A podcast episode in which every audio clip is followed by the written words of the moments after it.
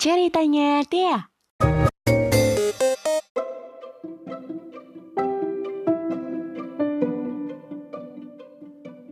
Assalamualaikum warahmatullahi wabarakatuh. Selamat datang di podcast Dea Cerita Yang tentunya isinya adalah ceritanya Dea. Bah Di episode satu kali ini Dea tuh mau cerita tentang skripsi Pasti nih yang dengerin udah pada ngomong di dalam hati. Apa sih? Gitu aja dibahas. Apa sih? Gitu aja di podcastin nggak apa-apa. Kadang hal yang menurut kita sepele itu bisa berarti buat orang lain. Dan sebaliknya hal yang menurut kita tuh berarti banget buat diri kita tapi bisa jadi buat orang lain itu hal yang sepele gitu jadi nggak ada salahnya untuk membagikan pengalaman-pengalaman tentang skripsi gitu. Siapa tahu nanti yang yang uh, dengerin podcast ini bisa jadi tambah semangat, bisa jadi tambah hiburan, bisa juga ngisi kegabutan kalian gitu kan ya. Sebenarnya itu sih niatnya. Mengisi gabutan dengan hal yang bermanfaat. Wah. Oke okay, guys. Jadi gini, um, kenapa dia itu pengen bahas skripsi? Karena menurut dia menurut dia ya skripsi yang dia uh, jalani kemarin itu adalah skripsi yang paling mantap. Di skripsi kemarin itu membuat dia tuh sebagai uh, jadi orang yang beda. Jadi orang yang lebih terstruktur. Jadi orang yang jadi orang gitu bukan orang yang hanya hahi aja gitu. Karena memang uh, benar skripsi itu bukan hanya hasil tapi prosesnya juga. Dan Dea itu di skripsi um, yang paling berkesan adalah proses mengerjakannya gitu. Karena banyak banget yang bisa diambil dari skripsi kemarin gitu guys. Nah jadi waktu Dea skripsi kemarin itu uh, Dea tuh dapat pembimbing yang intinya itu adalah pindahan gitu. Jadi gini, dulu dia punya dosen pembimbing akademik A dan karena dosen A ini mau lanjut studi, jadi kita dipindah ke dosen yang B. Nah, dosen yang B ini terkenalnya adalah dosen yang perfeksionis banget dan lama. Dan itu dia tuh belum yang namanya ketemu ngobrolin skripsi tapi sebelum itu dia tuh ketemu sama kakak-kakak tingkat yang ngomongin tuh yang enak banget ngomongnya kayak gini. Eh iya dia lama loh. Eh hati-hati lama lulusnya kayak gitu. Insecure gak sih kalian tiba-tiba kayak gituin gitu kan. Padahal tuh kalian belum menjalani skripsi. Kalian belum bahkan belum bertemu beliau gitu. Dan um, waktu itu dia ya percaya nggak percaya gitu kayak pikirnya apa sih orang aku juga belum ketemu sama beliau belum ngerasain juga gitu. Kecuali kalau misalkan aku udah ngerasain mungkin ngomong kayak gitu oke okay, gitu kan. Ya kan jadi insecure gitu loh guys. Nah terus uh, waktu udah mulai skripsi udah mulai konsultasi 3-4 bulan sudah mulai terasa gitu ya. Udah terasa banget yang namanya tekanan-tekanan itu hadir dan waktu itu udah mulai insecure juga gitu karena banyak banget teman-teman seangkatan tuh yang udah seminar proposal, yang udah seminar hasil, bahkan udah ada yang wisuda dan bahkan waktu itu aku belum seminar proposal gitu masih berkutat di proposal dan digonta-ganti A B C gitu. Nah, waktu itu itu adalah hal yang berat banget karena yang pertama tekanan sih. Waktu itu aku benar-benar stres juga. Yang pertama karena teman-teman juga. Yang kedua aku ngerasa uh, apa aku bisa ya ngejalanin ini? Karena kan beliau emang perfect. Dan aku uh, sadar diri karena kemampuanku tuh bukan aku tuh bukan orang yang pinter-pinter banget secara akademis tuh enggak gitu. Jadi ya aku mikirnya apa aku bisa ya? Gitu. Nah waktu itu ya banyak banget sih yang dipelajarinya jadi pertama itu konsultasi tuh beliau bilang ini tuh kamu nulis apa sih? Kok banyak banget? Dan saya tuh nggak ngerti tulisan kamu tulisan apa gitu. coba aja kalian digituin sama dosen gitu kan ya kalian udah ngetik beberapa hari dikiranya kita tuh ngiranya uh, tulisan itu oke okay, gitu tapi ternyata enggak gitu kan ya waktu itu juga hah masa masa aku nulis gitu aja nggak bisa? Gitu kan ya. Terus dari situ beliau tuh ngajarin gitu. Ngajarin caranya gimana untuk uh, ngeresum gimana caranya untuk nulis yang baik dan benar kayak gitu. Nah waktu itu di skripsi itu juga ada uh, waktunya dia itu pas down banget gitu. Entah kenapa waktu itu aku benar-benar down sedown itu dan hampir bener-bener kayak mikirnya uh, apa nggak usah lanjut ya gitu. Sampai mikir yang kayak gitu gitu loh. Jadi emang ya aku mikirnya aku nggak bisa ikutin beliau udah aku nggak bisa dan aku nggak pinter intinya tuh gitu. Sampai akhirnya ada satu temen aku waktu itu yang ngomong tuh gini waktu itu aku lagi down banget karena ngeliat teman-teman aku dia pada seminar dan aku masih ada di proposal tidak belum beralih ke mana-mana ke tahap selanjutnya gitu. Dan waktu itu malam-malam teman aku waktu aku curhat sama teman aku teman aku hanya bilang satu kalimat yang itu menurut aku jelek di hati aku banget. Dia tuh bilang gini ehm, mungkin usaha kamu kurang gitu. Padahal waktu itu aku ngerasa aku juga revisi. Aku serius. Aku konsultasi aku rajin. Aku belajar aku belajar. Masa kamu bilangnya usaha aku kurang? Kamu tuh tahu tahu kayak gitu dari mana? Emangnya kamu itu tahu usaha aku seberapa gitu? Aku tuh marah sama dia sebenarnya. Waktu itu aku benar-benar marah sama dia dan ya aku marah gitu loh. Maksudnya apa sih orang kamu tuh nggak tahu? Masa kamu bilangnya usaha aku kurang gitu kan? Nah di situ aku nangis tuh tiga hari. Bener nangis gitu nangis. Masa sih usaha aku kurang kurang apa? Ya Allah gitu. Dan di tiga hari itu aku introspeksi. Yang bener itu introspeksi apa sih yang salah gitu. Sampai temen aku aja ngomong kayak gitu mungkin uh, dari skripsi ini kita nggak bisa dong nyalahin dosen nyalahin skripsi yang susah nyalahin dosen yang susah juga tuh nggak bisa gitu.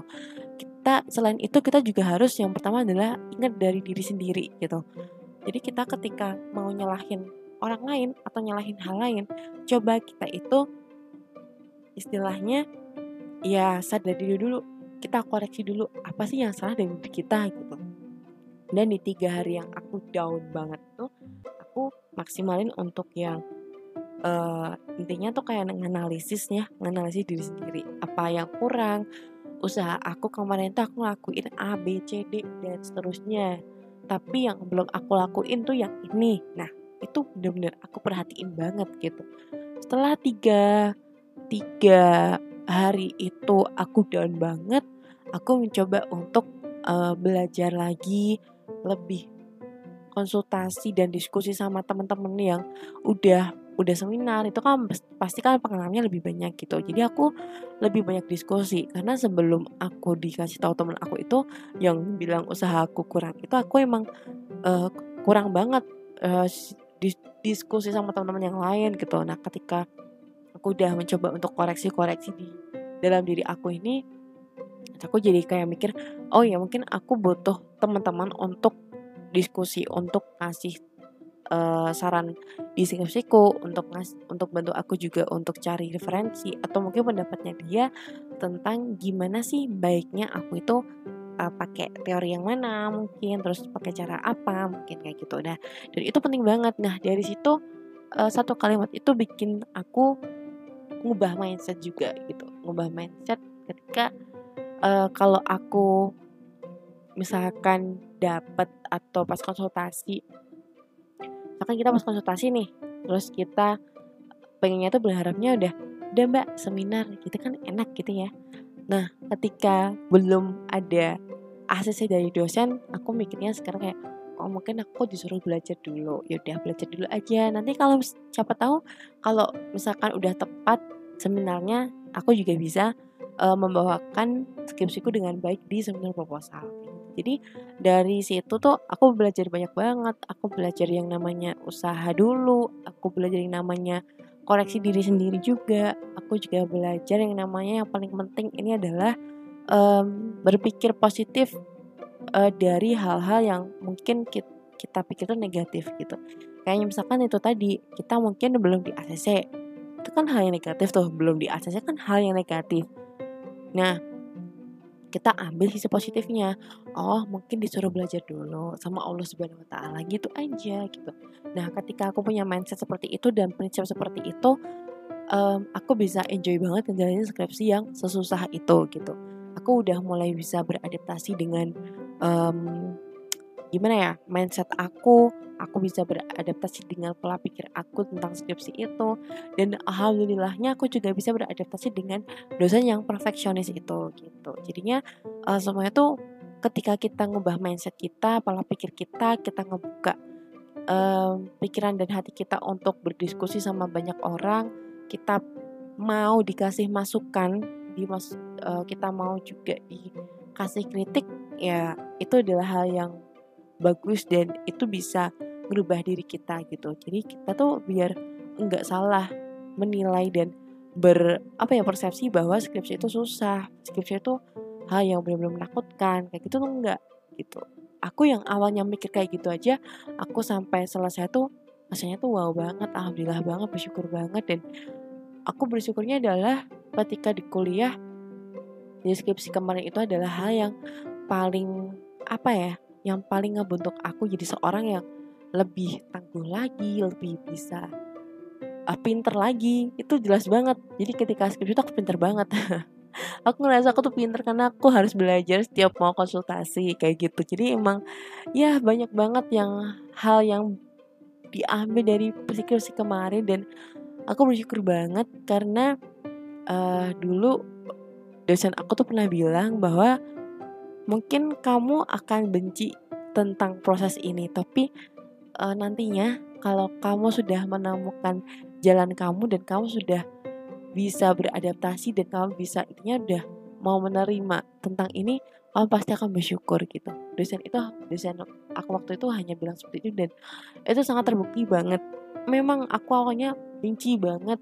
Emang aku sebel banget. Emang aku insecure banget patah semangat tapi ketika aku bisa bangkit lagi aku bisa uh, ngubah pola pikir aku, bisa mengubah kebiasaan aku, memprioritaskan yang harus diprioritaskan, dan yang penting mau usaha itu semua sangat-sangat terbayarkan di hasilnya. Benar-benar aku nggak nggak habis pikir banget, udah itu adalah hal yang keren banget di skripsi. Dan contohnya gini, ini adalah hal yang menarik ya. Waktu seminar hasil, aku mikirnya adalah um, di hasil itu dosen aku itu marah.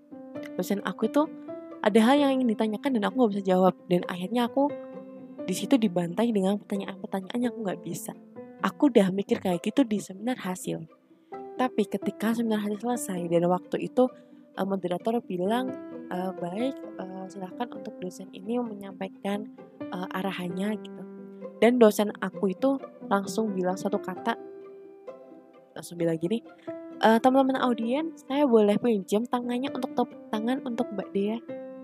Di situ aku nangis karena aku ngerasa, hah ini apa gitu. Aku tuh takut dengan hal yang seperti itu, hal yang aku tuh overthinking. Tapi ketika dosen itu bilang kayak gitu dan setelah tepuk tangan itu dosen tuh bilang, e, saya benar-benar tahu banget prosesnya Mbak Dea gitu. Mbak Dea dulu itu nggak bisa nulis bagus, saya nggak bisa baca tulisannya Mbak Dia saya hampir putus asa sama Mbak Dia juga gitu. Maksudnya uh, ya karena bukan putus asa sih. Maksudnya kayak uh, beliau itu ya nggak bisa nangkap tulisan skripsi aku tuh beliau tuh nggak bisa nangkap gitu waktu itu. Tapi Mbak Dea ini adalah mahasiswa yang mau belajar mau berusaha yang sungguh-sungguh. Dan akhirnya dia bisa nulis skripsi yang sebagus ini kalian tuh bayangin aja deh dosen perfeksionis bilang tulisan kalian itu bagus banget. Coba, berarti kan tulisan kita tuh perfect juga kan? Nah, itu loh. Jadi ketika kita tuh um, dapat dosen yang perfeksionis, kita tuh nggak bisa nyalahin dosen gitu. Misalkan ada tetangga yang bilang, Mbak, belum selesai skripsinya. Iya, dosen saya perfeksionis. Itu nggak boleh yang kayak gitu ternyata. Ternyata dari di balik itu semua kita juga ikutan perfeksionis gitu. Kita ikutan kita juga ikutan perfect.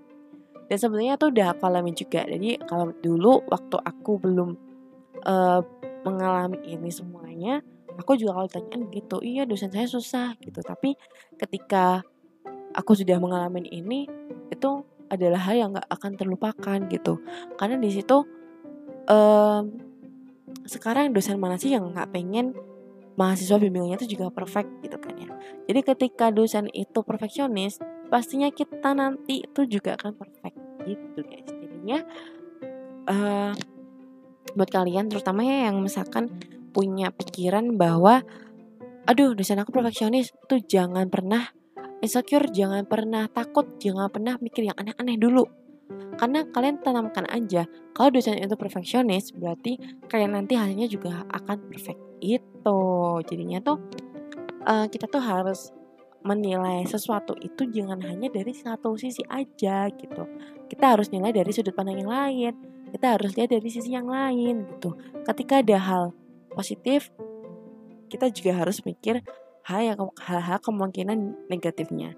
Ketika ada hal negatif, kita juga harus pikirin dan kita juga harus melihat hal positifnya gitu. Jadi kita tuh nggak bisa nilai sesuatu tuh hanya dari satu sisi, satu pandangan kita tuh nggak bisa. Kita harus lihat sisi yang lainnya. Sama kalau kita tuh menilai orang, kita nggak bisa nilai orang lagi kita baru kita kita ketemu baru aja satu menit yang lalu terus kita mikir ah dia tuh orangnya sinis kita nggak bisa kayak gitu karena bisa jadi orang itu juga baik gitu jadi sebenarnya semua itu perlu waktu semua itu perlu proses perlu proses perlu usaha perlu kesungguhan perlu um, berdoa yang jelas tuh pasti berdoa dan yang pasti harus selalu semangat gitu karena skripsi yang baik itulah adalah skripsi yang selesai tepat waktu seharusnya. Jadi gini, kalau misalkan skripsi itu selesai, baiknya adalah selesai di waktu yang tepat. Tapi jangan mengulur, mengulur waktu.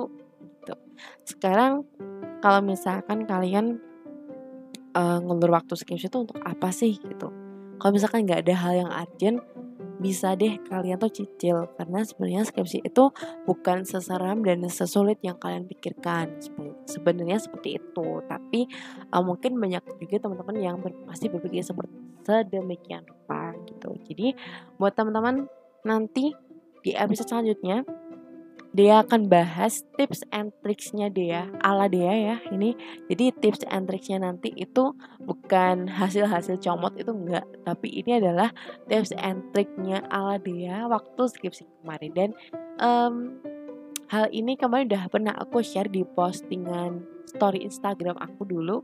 Dan itu banyak banget yang komen katanya mbak aku jadi semangat banget uh, baca ini mbak. Aku tergugah banget aku jadi uh, terbuka banget pikiranku ketika aku baca tulisannya Mbak gitu. Nah, um, waktu itu aku pernah vote juga di story story Instagram mau video atau atau voice. Jadi aku bikin voice aja nanti. Jadi teman-teman jangan lupa terus uh, dengerin podcast ceritanya Dea yang tentunya isinya adalah ceritanya Dea. Dan di episode 2 nanti akan ada tips and trick mengenai teruntuk kalian yang khususnya nih mengenai skripsi yang tentunya teruntuk kalian yang sedang berjuang skripsi. Dan semoga bermanfaat apa yang telah aku sampaikan di episode satu kali ini. Semoga sampai karena apa yang dari hati akan juga sampai ke hati juga. Gimana sih ngomongnya? Karena apa pun yang berasal dari hati akan sampai ke hati juga gitu. Maksudnya aku nyampainya dari hati banget nih dan pastinya akan sampai juga ke hati teman-teman gitu. Ya intinya tuh dari hati ke hati gitu. Apa sih nggak jelas? Oke teman-teman sekian di episode satu kali ini.